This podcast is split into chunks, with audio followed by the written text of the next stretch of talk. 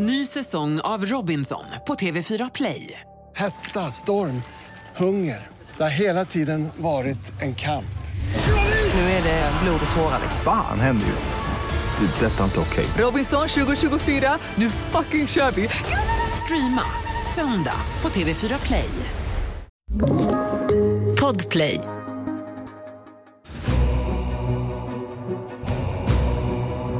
Krig, svält, farsoter, katastrofer och mord. Sveriges historia är full av hemskheter. Vissa händelser känner vi till medan andra fallit i glömska trots att de har haft en stor inverkan på vårt landskap, politik eller människorna. I podden Sveriges mörka minnen tar vi med er på en resa genom landet för att återupptäcka de här historiska hemskheterna som på gott och ont har förändrat Sveriges historia. I det här avsnittet ska vi ta er igenom en av Sveriges största naturkatastrofer, Storforskatastrofen. Hur kunde en ensam man skapa en 25 meter hög flodvåg som tömde en av Jämtlands största sjöar på bara några timmar och ödelade stora delar av landskapet? Och stämmer ryktena om att lokalbefolkningen till slut hämnades på mannen som låg bakom katastrofen, Vildhussen?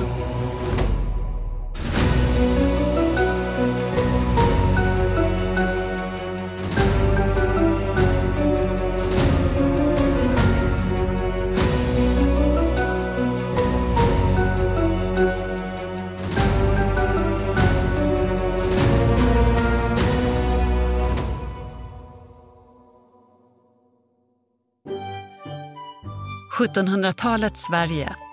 Statens ekonomi är i botten efter åratal av krigande och missväxt och sjukdomar leder till att många i landet dör. Samtidigt öppnar Sverige nu sina fönster mot Europa och det franska inflytandet börjar dominera, framförallt under Gustav IIIs styre i samband med den franska revolutionen 1789. Ett år senare avslutas det ryska kriget och vi går in i 1790-talet, en tid full av förändring. År 1792 blir kung Gustav III skjuten på Kungliga Operan av Jakob Ankarström och kungen lämnar efter sig sin 14-årige son Gustav IV Adolf. Han blir motvilligt kung med sin farbror som förmyndarregent. Det är just i 1790-talets Sverige som vi befinner oss när vi nu tar oss vidare och landar i Jämtland. I Ragunda kommun i östra Jämtland låg fram till 1796 Ragundasjön med det mäktiga vattenfallet Storforsen. Idag finns sjön inte längre kvar. Landskapet är helt torrlagt och en ständig påminnelse om vad som kan hända när människan inte har respekt för naturen. Så vad var det egentligen som ledde fram till den där händelsen för nästan 230 år sedan när en hel sjö på bara några timmar tömdes och ett av landets största vattenfall tystnade för all framtid? Affärsmannen Magnus Huss, född i nuvarande Ånge kommun i Medelpad den 18 april 1755 beskrivs som en lite udda man. En klåpare, en känslostyrd entreprenör utan vidare koll på vad han sysslade med. Men han beskrivs också som energisk och karismatisk. Och kanske var det därför han ändå lyckades vinna människors förtroende. Även när det kommer till hans företagande är han omtalad som impulsiv och orädd. En person som gav sig in på saker som han kanske inte alltid behärskade. Och snart skulle hans impulsivitet få förödande konsekvenser. Men vi väntar lite med den biten. När Magnus Huss 1781 hamnade i Sundsvall började han tidigt ägna sig åt affärer. Han ville etablera sig som affärsman, men det började dåligt. Han ansågs sakna kunskaper om bokföring och utrikeshandel och fick därför inte tillåtelse att bedriva sin verksamhet. Envis som han var överklagade han beslutet och fick rätt. Och på den ryckiga vägen fortsatte det. Han ska bland annat ha brutit mot lokala serveringstillstånd och senare inte kunnat betala in sina skulder. En rad liknande händelser vittnar om att han var en person som hamnade i en hel del konflikter. Redan där ska han därför börjat kallas för just Vildhussen. Vi hoppar fram till 1794. I Jämtland nedanför Ragundasjön i Indalsälven fanns det kraftfulla vattenfallet Storforsen.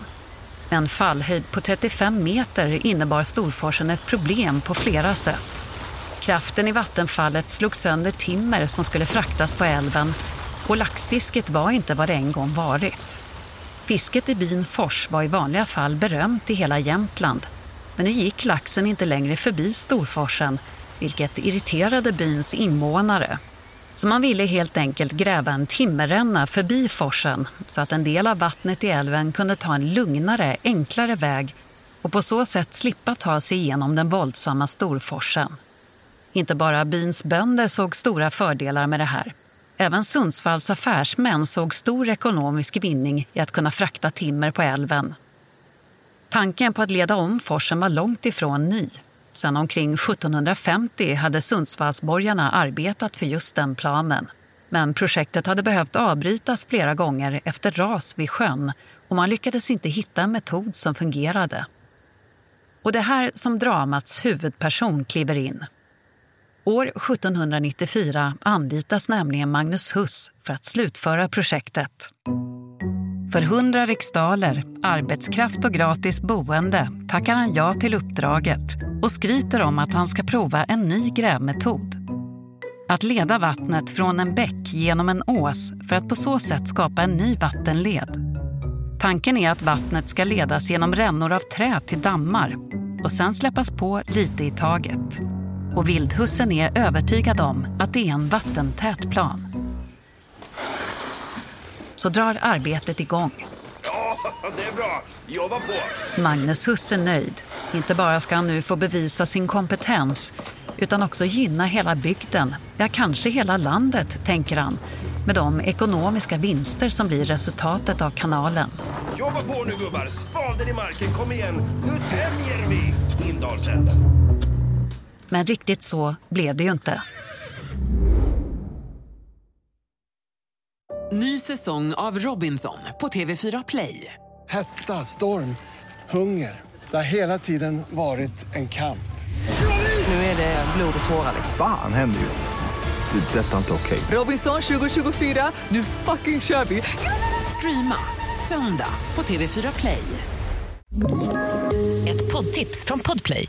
I podden Något Kaiko garanterar östgötarna Brutti och jag, Davva, dig en stor dos skratt. Där följer jag pladask för köttätandet igen. Man är lite som en jävla vampyr. Man har fått lite blodsmak och då måste man ha mer. Udda spaningar, fängslande anekdoter och en och annan arg rant. Jag måste ha mitt kaffe på morgonen för annars är jag ingen trevlig människa. Då är du ingen trevlig människa, punkt. Något Kaiko, hör du på Podplay. Därför är gardinerna. Våren 1796 kommer och arbetet med kanalen står äntligen inför mållinjen. Allt har gått enligt plan. Magnus Huss grävmetod har visat sig fungera bra och han är nöjd med vad han har åstadkommit. Men kvällen den 6 juni tar projektet en dramatisk vändning. Årets starka vårflod har fått fördämningarna att brista och då krävs det inte mycket för att spola bort den skyddande rullstensåsen. Byggets två vakter som står vid kanalen på kvällen hinner se stora mängder vatten välla in i den nya timmerrännan innan de springer för att söka skydd. Marken börjar skaka och en 25 meter hög flodvåg skenar fram mot byarna nedanför. Katastrofen är ett faktum. Älven svämmar över. Hela åkrar skövlas av den tsunamiliknande vågen och de jättelika vattenmassorna drar med sig båtar, stugor, kvarnar och sågverk. Döda laxar kan hittas i trädtopparna och böndernas boskap drunknar.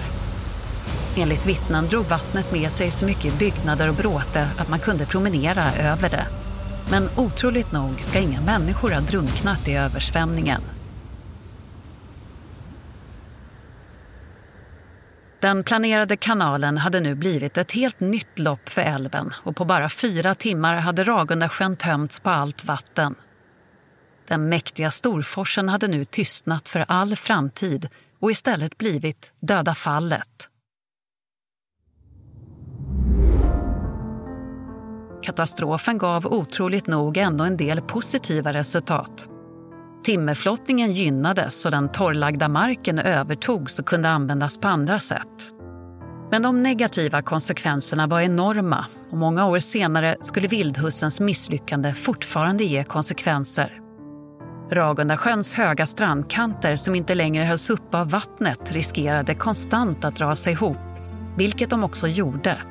Minst 12 personer ska under åren som följde ha omkommit i sådana ras. Böndernas vrede mot vildhussen var total. Hans illa genomförda plan hade ju inte bara förstört böndernas fiske, gårdar och hus utan i många fall också totalt förstört deras framtid och liv. Men vildhussen såg annorlunda på saken. Han oroades inte alls för det hans vårdslöshet hade orsakat utan tyckte istället att han hade skapat ett mästerverk. Nu gick det att färdas på Indalsälven hela vägen från Ragunda ut till Östersjön och vidare till Stockholm. För det skulle han bli berömd i hela landet. För att bevisa älvens framkomlighet bestämde han sig för att ge sig ut på den. Efter bara några kilometer stötte han på problem och båten kantrade. Ett år efter katastrofen hittades hans kropp. Det vatten han skulle tämja hade istället tagit hans liv. Enligt en myt om vildhussen gick hans död dock till på ett annat sätt. Det sägs ha varit arga bönder som tvingade ut honom på älven utan åror som hämnd för den förödelse han orsakat. Tillbaka till nutiden. På botten av gamla Ragundasjön. När man går runt den torrlagda sjön är det ett unikt landskap där man kan bevittna ovanliga former som skapats av vatten och sten i rörelse. Och numera pågår arbetet med att få med Döda fallet på Unescos världsarvslista. Idag tar sig årligen tusentals besökare till platsen för att bevittna den egendomliga naturen. Dessutom anordnas varje sommar Vildhusveckan i Ragunda med olika evenemang och det så kallade Vildhusloppet arrangeras också årligen. Ett lopp som går i terrängen runt Döda fallet. Trots att det här är en av Sveriges största naturkatastrofer var vildhussens namn i många år som bortblåst. Men med boken Döda fallet, som kom 1902, väcktes återigen intresset och legenden om vildhussen spreds. I boken sammanfattar författaren Per Hellström Storforskatastrofen i en enda mening. Mot den människa som träder in i skaparens roll och förbryter sig mot naturen tar naturen ut sin hämnd. Du har lyssnat på Sveriges mörka minnen, en podcast producerad av Podplay. Manus skrevs av Ayla Karlsson. Ljudläggning och musik av Kristoffer Folin och producent är Oliver Bergman. Jag som berättar heter Katarina Evers. Podplay, en del av Power Media. Ny säsong av Robinson på TV4 Play. Hetta, storm, hunger. Det har hela tiden varit en kamp. Nu är det blod och tårar. Fan händer just. Det. är Detta är inte okej. Robinson 2024, nu fucking kör vi! Streama söndag på TV4 Play.